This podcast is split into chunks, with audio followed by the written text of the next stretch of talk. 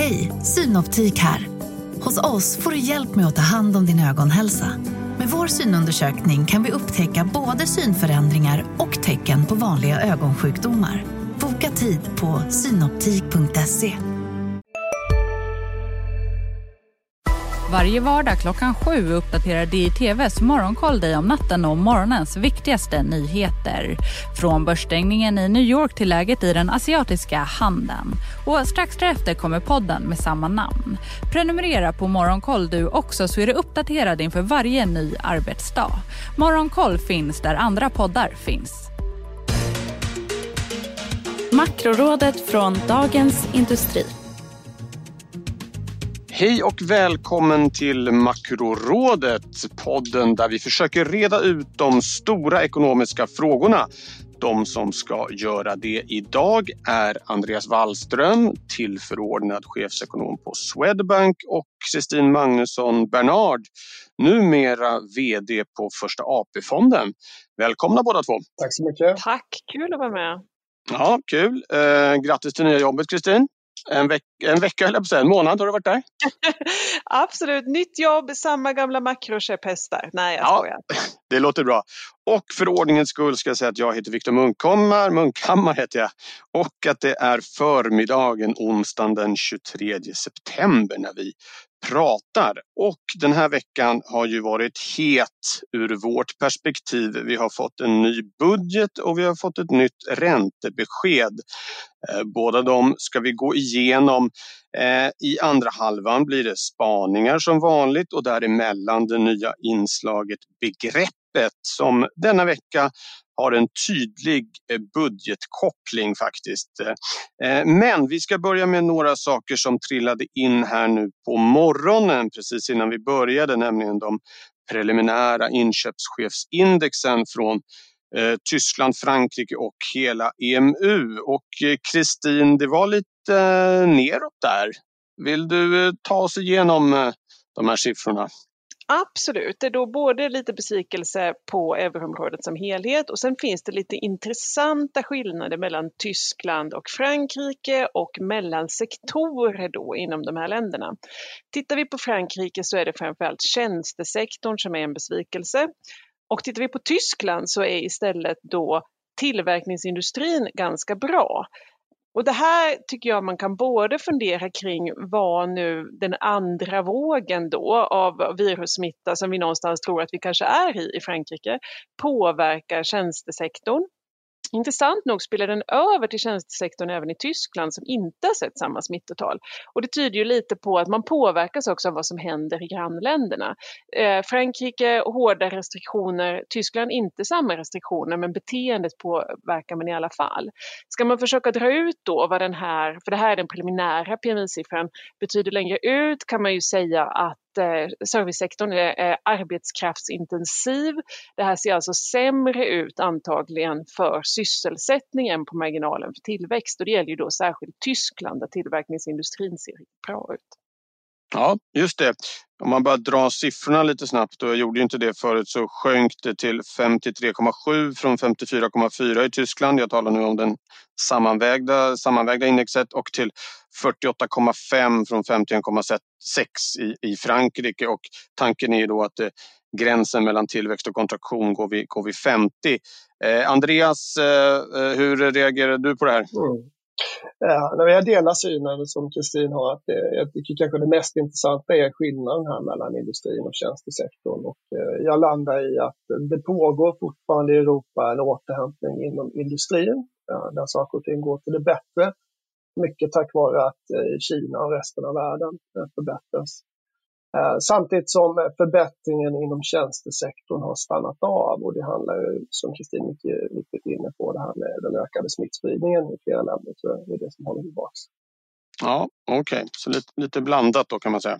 Eh, bra, då eh, går vi över till eh, huvudämnena då, det som har hänt eh, i Sverige i veckan. Vi fick ju en eh, jättebudget i eh, måndags med ofinansierade utgifter på, vad landade det på? 105 miljarder blev det Ja, eh, med, eh, ja, den innehöll verkligen allt möjligt den där budgeten.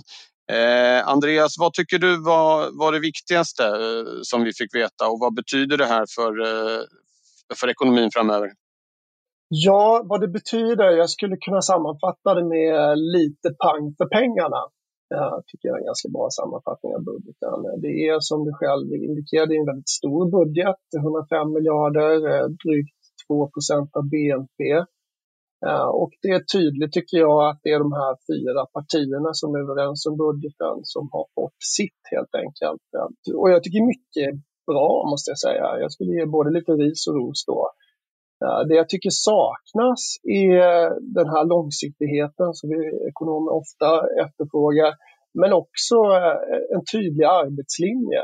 Det tycker jag inte alls finns egentligen i den här budgeten. Eh, och det handlar mycket om det här med incitamenten, att skilja på att det ska löna sig att arbeta och sådär. Det såg vi väldigt, väldigt lite av. Så att om vi hade sett mer skattesänkningar mot hushåll till exempel, då hade jag varit ganska nöjd. Ja, okej. Okay. Kristin?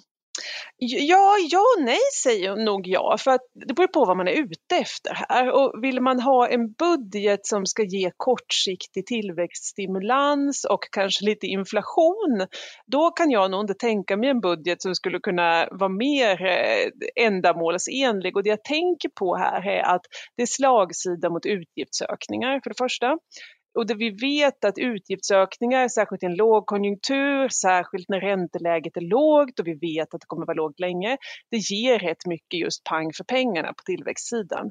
Så, så där kan man ju säga att är det det man är ute efter, är det en överbryggning och det är så jag uppfattar intentionen bakom den här budgeten. Sen kan man diskutera om det är bra eller dåligt, men ur det perspektivet så är det lite av ett skolboksexempel på hur man gör det tycker jag.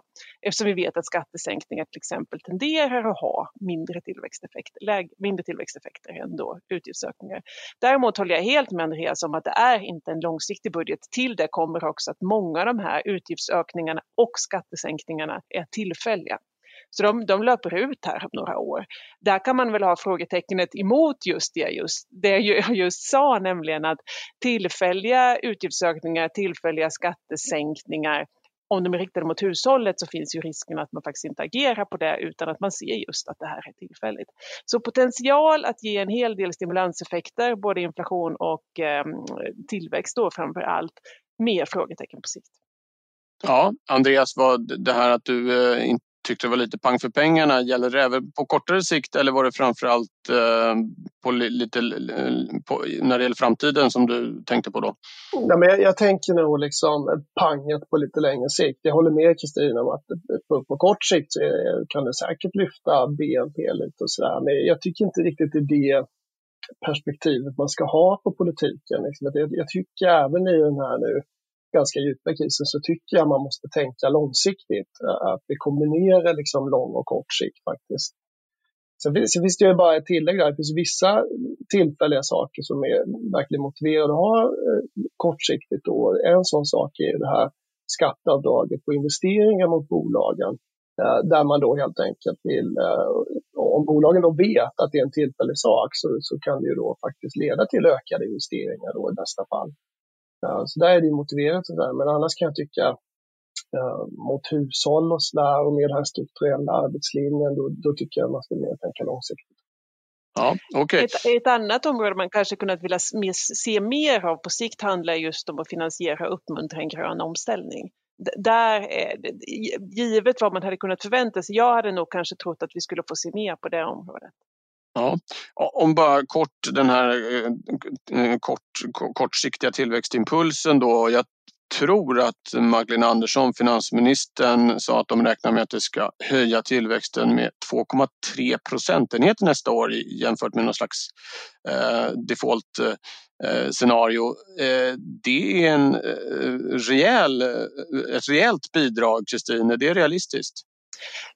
Ja, tittar man på en del tidigare skattningar och Andreas kommer att prata lite mer om exakt hur, hur de här sådana skattningar går till om en liten stund tror jag.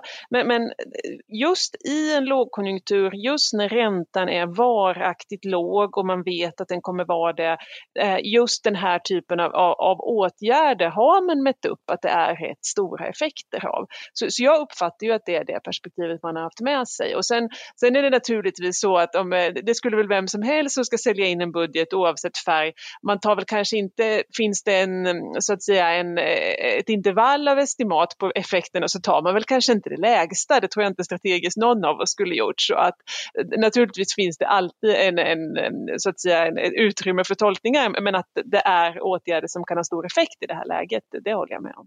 Man kan väl lägga till där också att det här intervallet är ju då ganska brett. Och det gör väl att när, men om man tänker att de satsar ungefär 2% av BNP, budgeten var ju 105 miljarder då. Eh, och så skulle det lyfta BNP med mer än 2 så är det ju, då, då ligger det det över spannet skulle jag säga mot vad de här tidigare estimaten på vad, hur stor effekt finanspolitiska åtgärder har på tillväxt på kort sikt. Uh, så lite optimistiskt, jag håller med om den synen också. Ja, Bra, då lämnar vi eh, budgeten för nu och går över till räntebeskedet som kom dagen efter i tisdags. Eh, och där var det ju mindre action eh, kan man säga. Allting hölls eh, oförändrat, vilket man möjligen kanske ska vara glad för ett år som detta att centralbanken inte såg sig nödgad att eh, göra någonting nytt. Men Andreas, eh, om man ändå försöker titta under huven lite på det här som Stefan Ingves och de andra direktionen kom med igår. Vad tycker du? Eh, hittar du någonting som sticker ut då? Eh, det är svårt, alltså jag har försökt vända på många stenar där och tycker inte det är jättemycket som sticker ut. Ehm, jag tycker det mesta var väldigt väntat. Man signalerar ju då, eh, för lyssnare som inte känner till det, att man ska ligga still här med räntan i hela, under hela prognoshorisonten, eh, tre år framåt. Det intressanta är väl om man skulle ha sagt någonting om obligationsköpsprogrammen då, hur de ska hanteras under nästa år och så där. Det gjorde man inte heller. Eh, jag tycker kanske det mest intressanta var ändå i presentationsmaterialet så var det två bilder på där man pekade på betydelsen av finanspolitik. Eh, och där man jämförde Sverige då mot eh, ett antal andra länder och både konstaterade att vi, har, vi spenderar inte så mycket relativt många andra länder, även om de här 105 miljarderna är mycket pengar så jämfört med många andra så är det inte det. Eh, och man konstaterar också då, som är välkänt, att vår statsskuld även efter det här kommer vara väldigt låg jämfört med många andra länder. Så i den här diskussionen om att finanspolitiken ska ta, måste ta en större roll så tyckte jag Riksbanken tog ännu ett steg i den riktningen. De ropar, ropar i riktning mot Finansdepartementet Precis. om hjälp. Ja. Ja.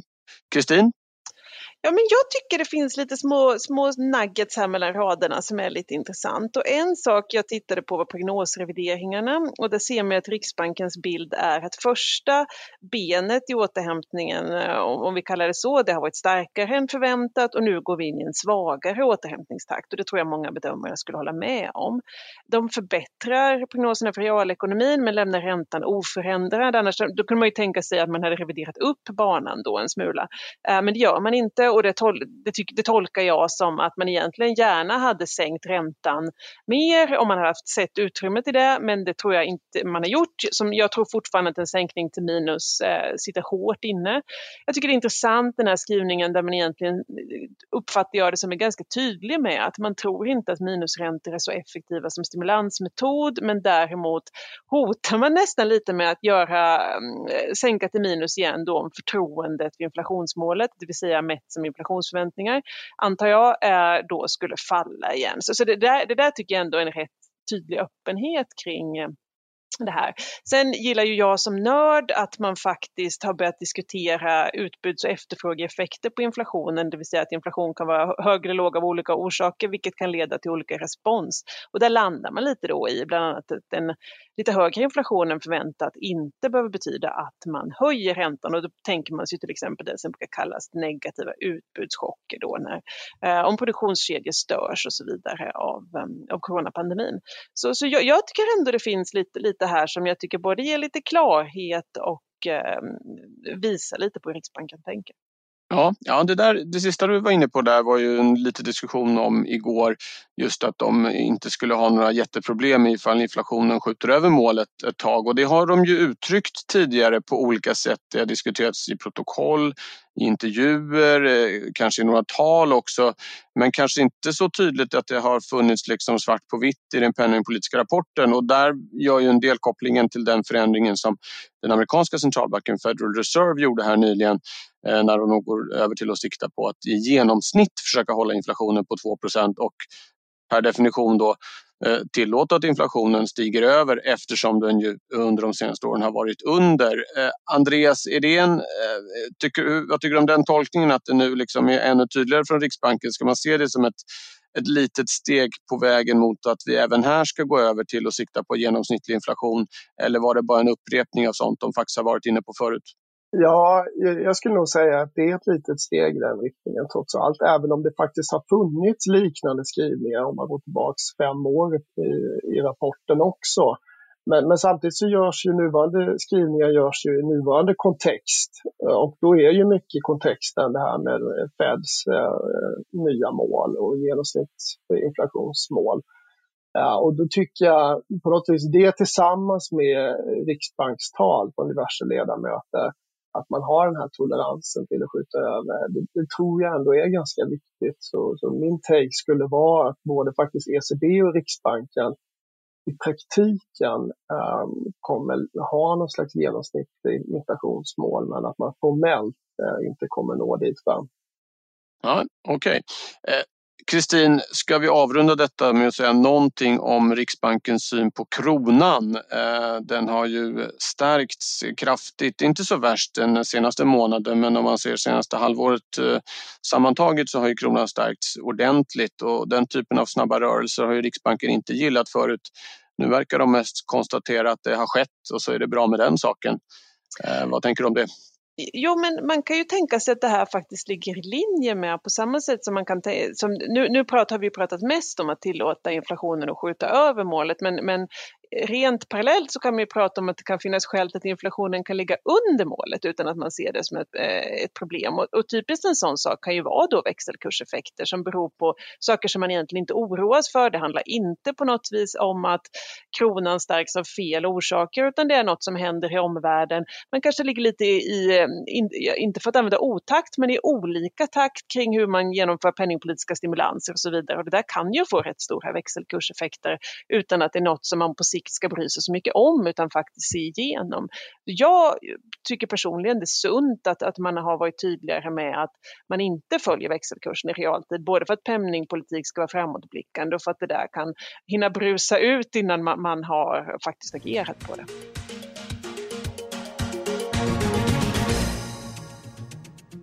Då ska vi ta tag i det för Hej, Ulf Kristersson här. På många sätt är det en mörk tid vi lever i. Men nu tar vi ett stort steg för att göra Sverige till en tryggare och säkrare plats. Sverige är nu medlem i Nato. En för alla, alla för en.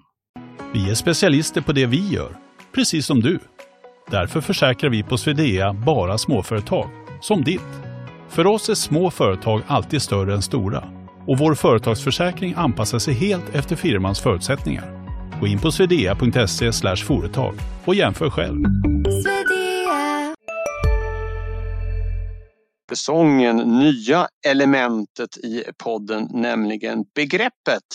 Där vi ger oss på att kort och koncist försöka reda ut vad ett centralt ekonomiskt begrepp som vi eh, använder både i den här podden och eh, i tidningen ibland egentligen eh, betyder.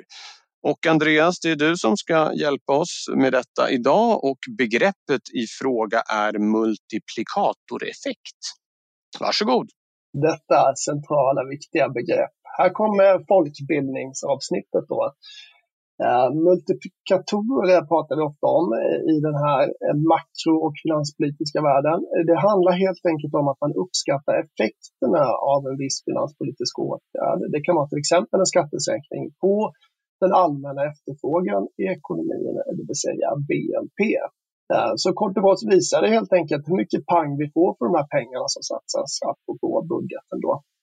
Eh, och ett exempel då, det är om vi skulle sänka skatterna med säg 10 miljarder eh, så skulle BNP kunna öka med säg 5 miljarder via att hushållens konsumtion ökar. I så fall så skulle den här BNP-multiplikatorn vara 0,5. Det är såklart ett antagande här. Vi vet inte, de här BNP ökar med 5 miljarder utifrån det här exemplet. Vad vet man egentligen i det? Ja, men det finns ju såklart skattningar på detta. Men den viktiga slutsatsen här det är att den slutliga kostnaden för den här skattesänkningen på 10 miljarder den är lägre än de här 10 miljarderna eftersom högre BNP i sin tur då leder till ökade skatteintäkter. Eh, till exempel i vårt fall då via ökade momsinbetalningar om man konsumerar då delar av den här skattesänkningen. Men också då att det anställer ju fler personer. Om man nu handlar vad det nu kan vara kläder så är det någon mer som jobbar någon timme extra i klädbutiken som i sin tur får en inkomst som i sin tur konsumeras och så vidare. Det är själva multiplikationen här då helt enkelt. Eh, storleken på den här multiplikatorn då, den beror ju på många faktorer och kan ju också antas variera över tid och konjunkturläge. Eh, I goda tider så kanske konsumtionen i exemplet ovan inte ökar då lika mycket utan eh, det kanske blir så att ehm, det finns inte så många anställda i klädbutiken. Man har det tillräckligt bra redan innan så att liksom man sparar mestadels av pengarna. I sämre tider så kanske konsumtionsbenägenheten är större. Det finns mer lediga resurser i ekonomin som då kan lyfta BNP. Ja, det är väl ungefär sådär. Sen är det ju en central fråga då, vilka, vilka riktas den här åtgärden mot? Hur stor är konsumtions eller investeringsbenägenheten för en viss åtgärd? Eh, det är jättesvårt att uppskatta. Det finns uppskattningar för Sverige då som pekar på att eh, just för offentliga investeringar så får man mycket pang för pengarna. Eh, att då är BNP-effekten ganska stor. Däremot om man skulle sänka skatterna till höginkomsttagare så är den inte särskilt stor därför att de har då en lägre konsumtionsbenägenhet. Däremot skattesänkningar riktade mot eh, låginkomsthushåll eller bidrag till låginkomsthushåll eh, får större effekt på BNP. Sen ska man, sen ska man, det är liksom multiplikatoreffekten. Sen i finanspolitiken så finns det såklart massa andra saker att ta hänsyn till. Liksom, självklart, va? Det, här är en kortsiktig effekt på BNP då. Sen kan man ju ha långsiktiga ambitioner, man kan ha fördelningspolitiska ambitioner, kan ha klimatambitioner med finanspolitiken och man kan ha moraliska aspekter på det också såklart. Men just den här kortsiktiga BNP-effekten av en viss åtgärd, det är multiplikatoreffekten. Bra, tack för det. Då har vi rätt ut multiplikatoreffekt. Och går över till spaningarna där ni har grubblat på saker som eh, eh kanske går lite under radarn eller sånt som eh, kommer ge effekt längre fram eller vad det nu kan vara. Och Kristin, du har med dig en omfattande spaning som sträcker sig över flera fält. Är det korrekt uppfattat? Det tycker jag det. Alltså nu, kära lyssnare, nu får ni spänna fast säkerhetsbältena för att eh, nu ska jag försöka få ihop så oväntade saker som vem som blir nästa domare i Högsta domstolen med demografi, inflationsmålstyrning och dollar-eurokursen. Så eh, jag, gör ett försök och sen får ni väl bedöma hur det här gick. Ja, jag tar på mig hjälmen också. så det viktigaste här, det som är veckans viktigaste, det är egentligen det som hände i natt, nämligen att eh, president Trump nu har en majoritet för att utnämna en ny domare till Högsta domstolen eh, som då ska ersätta Ruth Bader Ginsburg som gick bort. Och som ni minns då så var det ju lite diskussioner innan om um, man skulle göra det här innan valet men det verkar nu klart. Vad som också verkar klart är att den här ersättaren blir en kvinna sannolikt en värdekonservativ kvinna, det vill säga någon som eh, är mindre eh, på marginalen eh, inte då tror på till exempel fri aborträtt, stor välfärdsstat och så vidare. Men, men det där är ju lite otydligare än att det antagligen är någon som är så starkt förankrad i till exempel sin katolska tro. Det är sannolikt också att den här kvinnan kommer från en etnisk minoritet, det vill säga till exempel latino eller sydostasier. Och det här är intressant av flera skäl. På kort sikt kan man säga att, att eh, president Trump nu kommer kunna driva igenom det här ökar sannolikt polariseringen gentemot demokraterna. Det gör att det stora finanspolitiska paket som man möjligtvis skulle ha kunnat baxa igenom här i närtid sannolikt inte blir av, eller i alla fall är sannolikheten lägre. Det i sin tur, eftersom många av de här stimulanserna löper ut, gör ju att det finns mer frågetecken kring den amerikanska återhämtningen då i närtid. Eh, jag tror också att det på marginalen, president Trump har en möjlighet att spela det här smart så att han vinner mark hos eh, stora delar av väljarkåren som kanske inte har bestämt sig än. Och då tänker jag framförallt på latinomajoriteten eller möjligtvis Sydostasien, eh, eh minoriteten där han har, där det funnits en del frågetecken hur de här röstar. Utnämner han en person som ses som en stark företrädare för de här grupperna så tror jag att det också, eh, och det ser ju jämnt ut mellan honom och Biden, kan göra att han ökar, eh, ökar sina chanser då för att vinna valet. Tittar man lite längre ut då så kan man tänka sig, blir det inte så mycket finanspolitik? Ja, nej, men då blir det ju lite mer ehm, sannolikt Fed som får hoppa in här igen och stötta återhämtningen. Det tror jag man är redo att göra. Effekterna kommer då dock vara rätt annorlunda än om man gör med finanspolitik. Så visst, man kan stötta marknader. Man kan sannolikt inte stötta arbetslöshet, lönebildning på samma sätt. Eh, och i det här då, på, det vi pratade på lite längre sikt, kan man ju tänka sig att det här är en högsta domstol som har lite mindre preferenser för välfärdsstat. Kanske ja, kommer det frågor då kring eh, skatter, det är inte alltid den typen av frågor hamnar i högsta domstolen, men på lite sikt gör de ofta det, så blir det ändå en lite annan typ av arbetsmarknad. Eh, och tittar vi då igen tillbaka, nu hoppar jag lite här kort och långsiktigt vad det här man kan tänka sig för växelkurssidan så har vi ju haft ett tema nu där dollarn går svagt, euron och kronan går starkt. Får vi mer, eh, både en lite, vi har redan sett där har börjat naggats i kanten, tittar vi på kurserna nu så är det ju faktiskt så att kronan och euron är på starkaste nivån mot då dollarn vad det varit på ett tag. Och det här blir liksom ett litet, ehm, vad ska vi säga, lite motvind för den här storyn då om eh, svag dollar, stark krona, euro. Så jag tror på marginalen så får vi lite mindre tryck kanske i kronan och euron än vad vi hade sett annars. Så det var hela vägen från Ruth Bader Ginsburg till svenska kronan. Ja, och på vägen däremellan så hade vi en eh, lite svagare amerikansk återhämtning i närtid också som en möjlig konsekvens. Eh, Andreas, eh, eh vad, vad plockar du upp i den här spaningen? Var det, är det något, är det, är det, du, du, får inte kommentera på allt, för, det, för, för, du ska spana själv också, men någonting. Ja, ja men jag, det är väldigt mycket fokus och många intressanta delar i Kristins spaning. Eh, jag kan bara konstatera att eh, det är spännande med den här ekonomiska sättningen som är lite allmänt förväntad nu i USA och vilka konsekvenser det kan få och också växelkurseffekten såklart på, beroende på vem som vinner. Ofta så ses ju Biden som eh, dollar negativ. Ja, jag kommenterar inte det så. Så jag okay. själv. ja, eh, bra.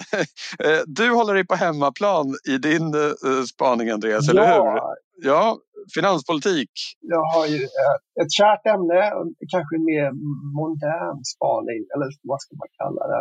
En titel skulle kunna vara vi måste prata om det strukturella offentligfinansiella sparandet. Oj, oj, oj, där vann du lyssnare. Ja. Ett alter, en alternativ titel, Finanspolitik utan styråra. Det är svårt att säga för en Kalmarit. Men... Uh, jo, vi pratade mycket om budgeten tidigare och vi och många konstaterar att den är historiskt stor och sådär. Och en del har ju skrämts av storleken. Det som man inte pratat om så mycket eh, hittills i alla fall, det är ju hur landade vi på de där 105 miljarderna för nästa år? Varför blev det just så mycket? Visst, eh, en förklaring är väl att de här fyra partierna alla ska få sitt, så att säga. Men varför landade vi inte på 200 miljarder kronor?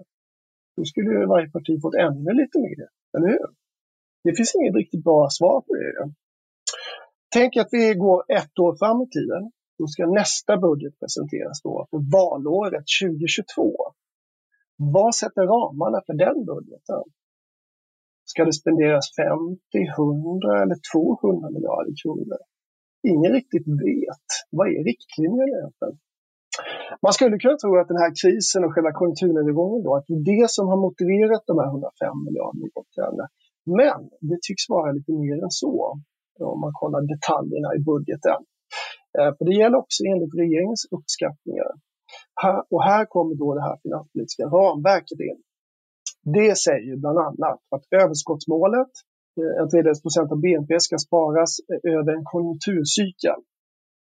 Okej, okay, och så vet vi inte riktigt hur den här konjunkturcykeln ser ut och hur djup eller stark konjunkturen är. Men man försöker uppskatta detta. Så att om man tittar på det här strukturella offentligfinansiella sparandet då, så rensar man ju på konjunkturen, också covid-19-krisen. Eh, det borde ju då principiellt ligga på en tredjedels procent av BNP varje år, eller hur? Då har man rensat för den konjunkturnedgång vi nu befinner oss i.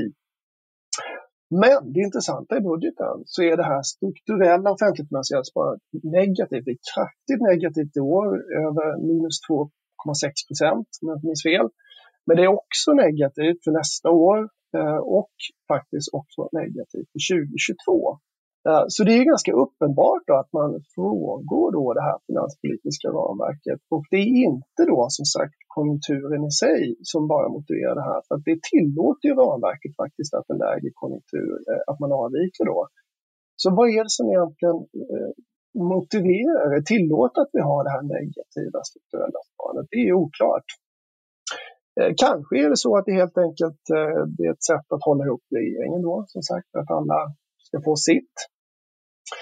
Eh, jag ska lägga till här då att jag är ju som säkert många lyssnare känner till vid det här laget, jag är ju verkligen vän av en mer expansiv finanspolitik och har ju argumenterat för det i åratal nu att, att man borde bedriva en mer expansiv politik och faktiskt rucka lite på det här överskottsmålet då. Men likväl så kan jag tycka att det är problematiskt att det nu tycks liksom saknas riktlinjer här då. Eh, som sagt, ska det nästa budget spenderas 50, 100 eller 200 miljarder? Eh, det är ju så att signalerna från finansministern och eh, de andra partierna också är ju att ramverket gäller och på sikt så ska vi återgå till överskott. Men varför ska inte det strukturella offentligfinansiella sparandet faktiskt gå med överskott redan på nästa år? Det är ju lite konstigt. På vilken tidshorisont ska vi nå överskott igen? Är det om tio år eller om tre år? Hur ska man då lösa detta? Ja, men jag tycker då att det är för mycket begärt av regeringen och kommunicera tydligt kring detta. Man kommer säkert vilja ha det här politiska handlingsutrymmet att själva säga om det ska bli 50, 100 eller 200 miljarder. Så det jag skulle önska det är ju att Finanspolitiska rådet exempelvis, eh, jag tror framförallt de, men kanske också Konjunkturinstitutet, att de uppskattar det här utrymmet. Då tycker jag såklart samtidigt då att man ska fundera på själva överskottsmålet om det fortfarande är lämpligt och, och det här skuldankan på 35 procent. Det är ju trots allt en helt ny värld vi lever i efter coronakrisen med extremt låga räntor under överskådlig framtid och flertalet länder som har mycket, mycket högre skulder än vad Sverige har. Så, att, så att jag tycker man ska se över de där parametrarna. Men det är ett problem med att det faktiskt saknas riktlinjer i dagsläget. Det var min spaning. Ja, intressant. Kristin, tankar? Ja, men jag funderar lite på hur Eh, användbart den typen av styrhåra hade varit i det här läget ändå. För problemet om man ska göra prognoser i ett så osäkert ekonomiskt läge som det är nu, det är ju att man får ett väldigt brett intervall kring vad, vad tillväxt, arbetslöshet och så vidare kan, kan, falla ut. Och istället för att då tänka sig att man gör en punktskattning som man ofta gör, att man ska hamna på x procent av BNP. Jag tycker nog att det är en bättre approach att tänka att man ska stresstesta sin, eh, sin politik lite och fundera kring, ja men om nu eh, tillväxten faller ut plus minus eh, 2 procent, vad händer, 2 procentenheter, vad händer då? Och vad händer med arbetslösheten? Så man någonstans upp, snarare har koll på vad finns känsligheterna i de politiska åtgärder man vill göra för, för att återgå till, till en um, nedåtgående trend på sikt. Det där kan ju vara rätt svårt att kommunicera, för jag tror faktiskt det är genuint svårt att säga hur stort det här utrymmet är när allting någonstans flyter så pass mycket som det gör nu. Eh, men om man då inte kan gå ut och göra det väldigt tydligt så blir ju lösningen möjligtvis det vi har hamnat i här, nämligen att man, man har tillfälliga åtgärder istället. För att ett sätt att definitivt få en nedåtgående trend det är ju att sätta ett bortre datum på de skattesänkningar eller utgiftsökningar man gör och det är precis det som sker i den här budgeten. Så där landar jag också i frågan, är det så att återgången då ändå till någon eh, mer balanserad utveckling, var det en hämsko i fråga om att göra långsiktiga Eh, identifiera långsiktiga åtgärder som hade satt Sverige på en, på en ännu bättre kanske utveckling på sikt. Och, och, där landar jag faktiskt också ett frågetecken och det kommer vi ju sannolikt inte få finansministern att svara på men jag, jag tycker ändå det är en fråga som bör väckas. Ja, eh, frågetecken kring budgeten då eh, slutar vi med och huruvida vi eh, eh, faktiskt har fortfarande ett finanspolitiskt ramverk eller kanske inte. Eh, Hörni, eh, eh, tack för det. Eh, vi har en punkt kvar på agendan, eh, nämligen veckans viktigaste, vad man absolut inte får missa den allra närmaste tiden. Kristin, eh, väldigt kort, vad är veckans viktigaste framåtblickande? jag, jag, förstår att det kanske var lite oklart eftersom jag bakade in det i min vilda spaning, men för mig ja, och är den var med där också. Allt var med för mig är veckans ja, ja. viktigaste vem som tar över efter Ruth Bader Ginsburg. Okej, jättebra. Då så, Andreas och Kristin, stort tack ska ni ha för att ni var med eh, idag. Eh, tack också till alla som har lyssnat. Eh, Makrorådet är tillbaka igen om två veckor, den 7 oktober. Vill man lyssna på poddar innan dess så finns det massor. Eh, varje vecka kommer Analyspodden. Eh, det finns också Digitalpodden som handlar om allt som rör den delen av ekonomin och dagliga poddar eh, som exempelvis Ekonomistudion. Så att lyssna på och så hörs vi om två veckor. Ha det bra till dess. Hej då! Makrorådet från Dagens Industri. Podden klipps av Umami Produktion. Ansvarig utgivare Peter Fällman.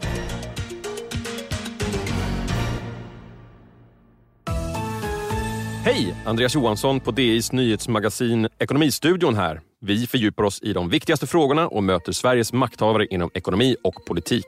Ekonomistudion finns där poddar finns varje dag klockan 16.